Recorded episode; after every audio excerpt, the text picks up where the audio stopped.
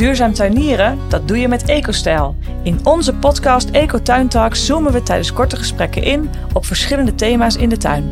Zo kun je binnen no time jouw kennis over ecologisch tuinieren bijspijkeren. Hey, weet je, Josian, dat gazon een van de meest uh, frustrerende onderwerpen is voor mensen in de tuin? Wist je dat?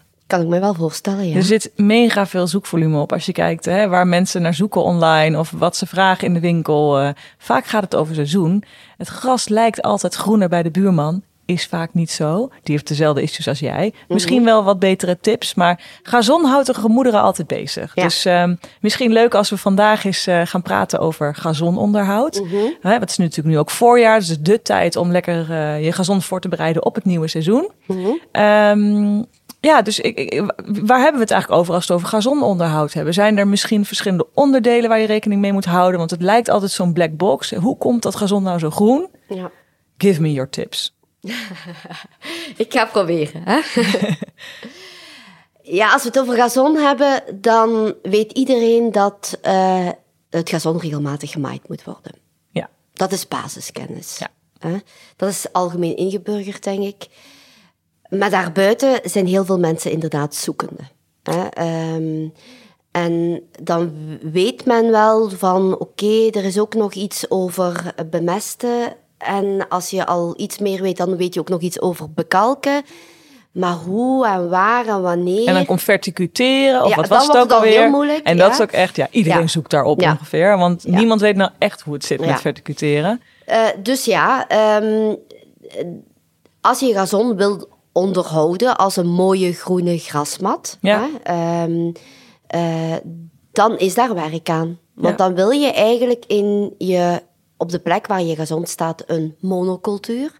En een monocultuur is dat je eigenlijk alleen maar gras wil. Hè, want dat is dan, wij beschouwen een als de, de burger beschouwt een gazon heel vaak als uh, een grasmat die donkergroen zit, staat, waar alleen maar gras in staat, geen onkruid, geen mos, geen kale plekken, geen gele plekken. Uh, ja, en dat is een uitdaging. Ja, want dat is in de natuur natuurlijk helemaal niet zo. Hoe ziet een grasland of een gazon eruit in de natuur dan? Ja, in de natuur is het zo dat er heel veel grasvelden zijn. Hè? Of heel veel gras uh, land, land, is. Ja. Als je het hebt over, maar ook als je het hebt over de uh, steppes, de toendras, de savannas. Dat zijn allemaal gras. Uh, oppervlaktes. Hè? Ja. Um, en wat je dan hebt, is dat je eigenlijk geen monocultuur hebt. Je hebt eigenlijk een polycultuur. Je hebt eigenlijk naast dat je um, grasplanten hebt, heb je daar ook uh, kruiden tussen staan. Ja. Uh, wat wij in onze gazon onkruiden noemen. Ja. Hè? En daar heb je gele plekken en kale plekken en mos ertussen. En wij maken het onszelf heel erg moeilijk, doordat we per se dat donkergroene grazon willen, waarin dat alleen maar gras staat. Um, en daarom, ja. ja. daarom worstelen we daarmee. En daarom hebben wij bij EcoStijl het vierstappenplan ontwikkeld. Juist. Toch? Om dat Voor de mensen die eigenlijk ja. wel die, dat groene biljartlaken willen. Ja, ja. Um, en dat is vooral een vierstap, dat vierstappenplan is vooral een activiteit in het voorjaar. Ja, okay. ja. Um, want in het voorjaar maak je eigenlijk je, je gazon klaar voor de rest van het seizoen. Zodanig dat de rest van het seizoen het enige wat je nog moet doen maaien is. En misschien nog eens een één extra, extra bemesting uh, in de zomer. Ja. Maar dan is het ook klaar. Um, en dat maakt het vierstappenplan zo... Uh, zo eenvoudig en zo, zo interessant ook. Ja. Omdat je in het voorjaar op één dag alles tegelijkertijd kan doen. Ja. Om ervoor te zorgen dat je gazon klaar is om voor de rest van het seizoen ja, zijn eigen ding te doen. En vier stappen dus om te onthouden. En dan is het gewoon basta. En hoef je nooit meer onzeker te zijn, ben ik iets vergeten? Of voilà. Nou, laten we beginnen met stap 1. Ja. Stap 1 is verticuteren. Verticuteren, de favoriet. Dat is echt, volgens mij iedereen gaat daar altijd een beetje... Ja Ah, wordt een beetje, wat, wat is het nou? Wat, wat is het nou, verticuteren? Wat, wat doe je dan eigenlijk?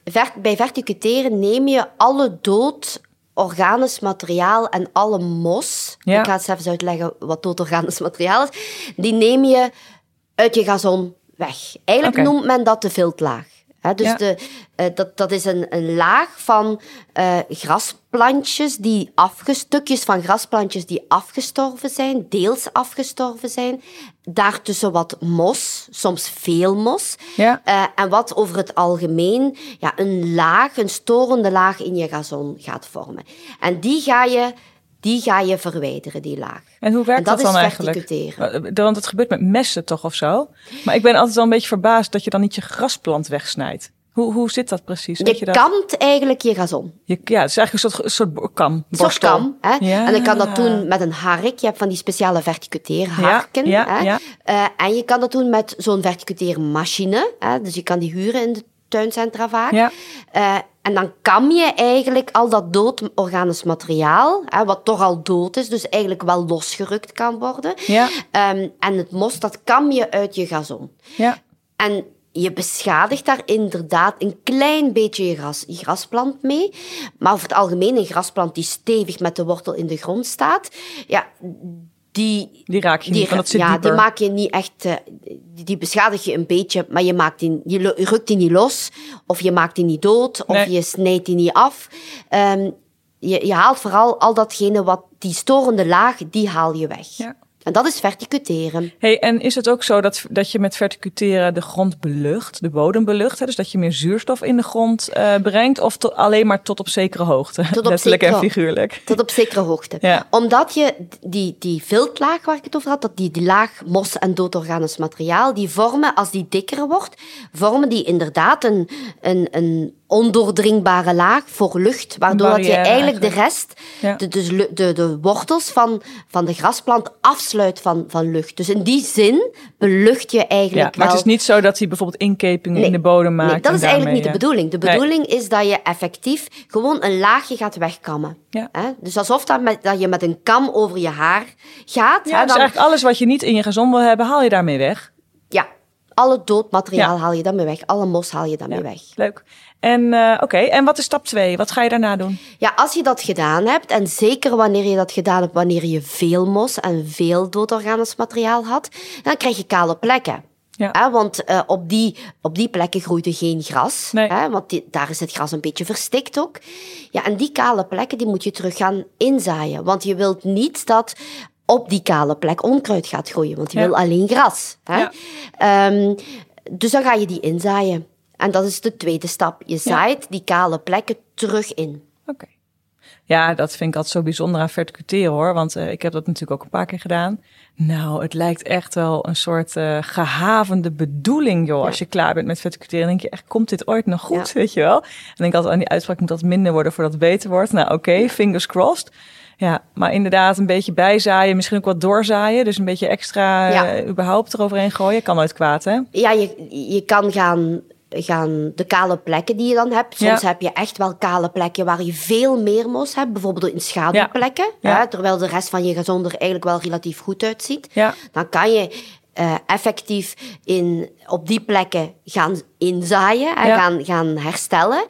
Uh, terwijl het doorzaaien, dat is eigenlijk gewoon over heel je gazon een klein beetje bijzaaien. Ja, precies. Zodat dat overal bij wijze van spreken op alle kale plekjes die er ontstaan zijn, een zaadje ligt. Ja, dat je het net even weer wat ja. uh, dichter maakt of zo. Oké, dus we hebben geverticuteerd, we hebben een beetje bijgezaaid waar, waar nodig.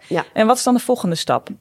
de volgende stap is dat je gaat kalken. Oké. Want um, je gaat daarmee de zuurtegraad van je bodem terug opnieuw op peil brengen. Ja. Want een van de redenen waarom dat je mos in je gazon kreeg, was omwille van het feit dat de zuurtegraad van je bodem uh, te laag was. Oké. Uh, Want mos groeit dus lekker op zure Op een zuurdere bodem. Okay. Uh, en het is vooral het feit dat gras wat minder goed groeit op een zure bodem, omdat hij wat minder goed zijn voedingsstoffen kan opnemen. Ja.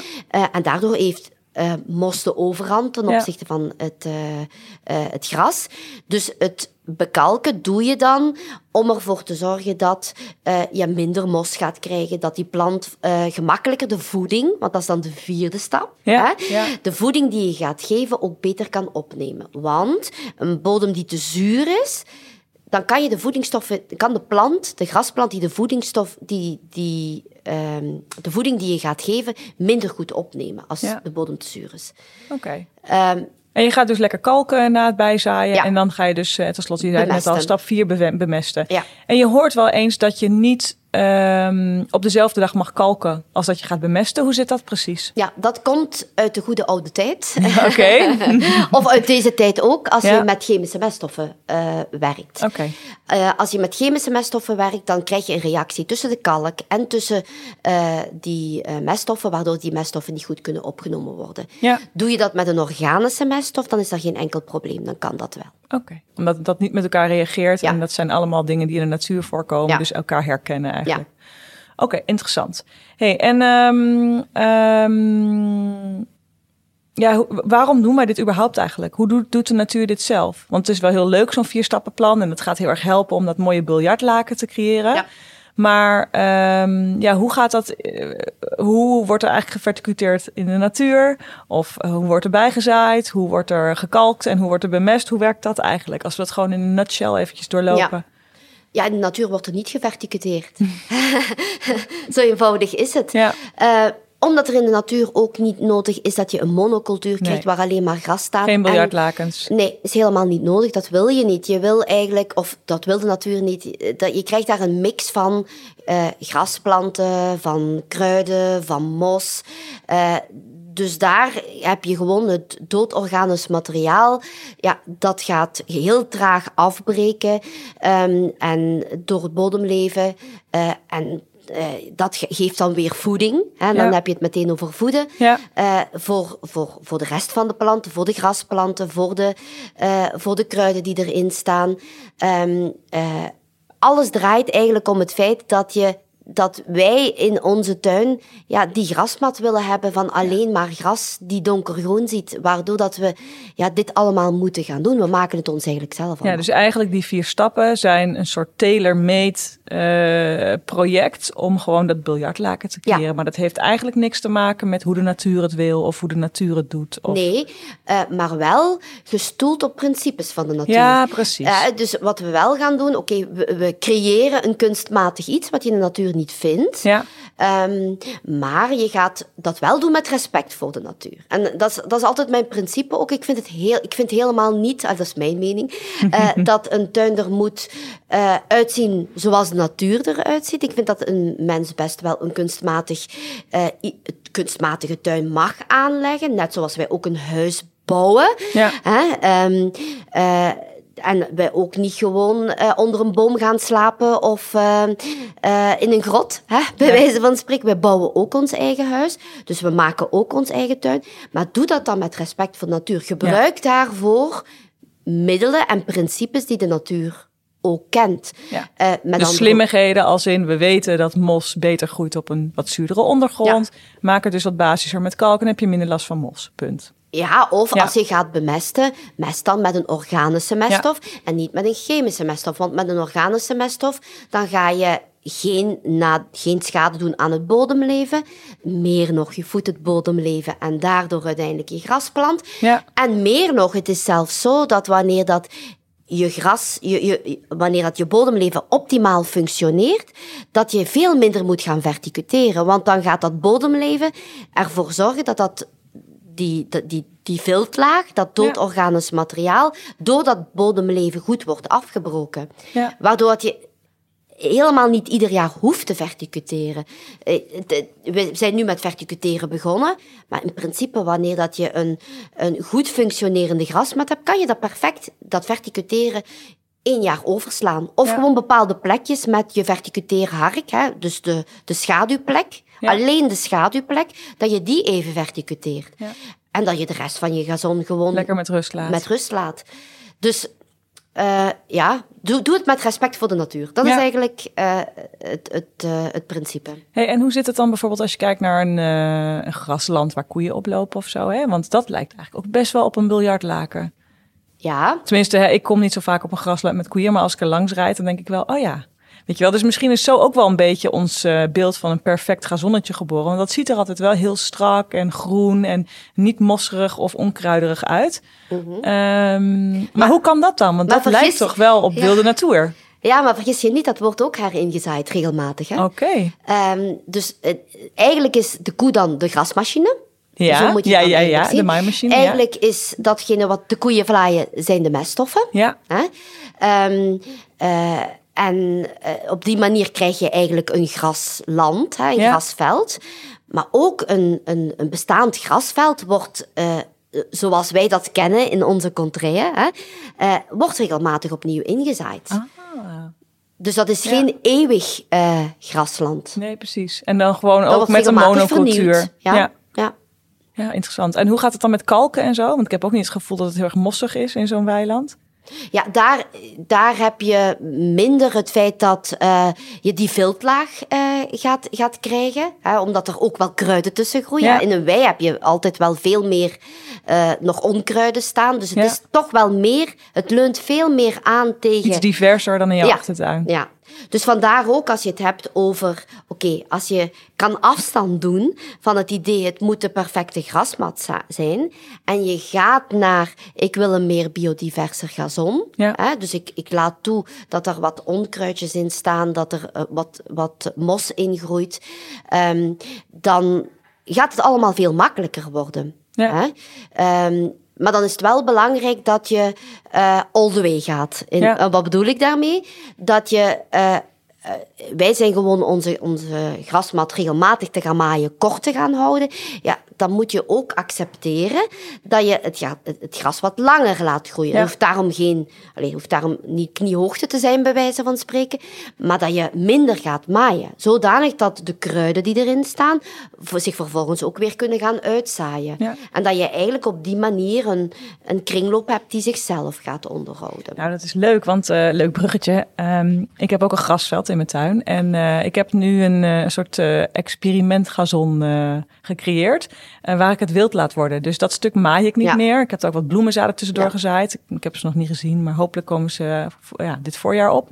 Ehm, maar ik ga eens even kijken wat dat doet. Dus kijk, een stuk maai ik wel, want dan Ja. moeten de kids wel kunnen voetballen en zo. Maar Ja. het andere stuk laat ik lekker, laat ik hoog groeien en gewoon eens kijken wat dat doet. Ja. Dus eh, Dat kan ook een tussenoplossing zijn hè, voor die mensen die dat zeggen van oké, ehm, eh, ik, ik, ik vind het toch nog wel belangrijk dat ik een, een grasmat heb. Ja. Hè, inderdaad, om op te spelen, maar ook omwille van het feit dat ik dat wel mooi vind, hè, een stukje groen.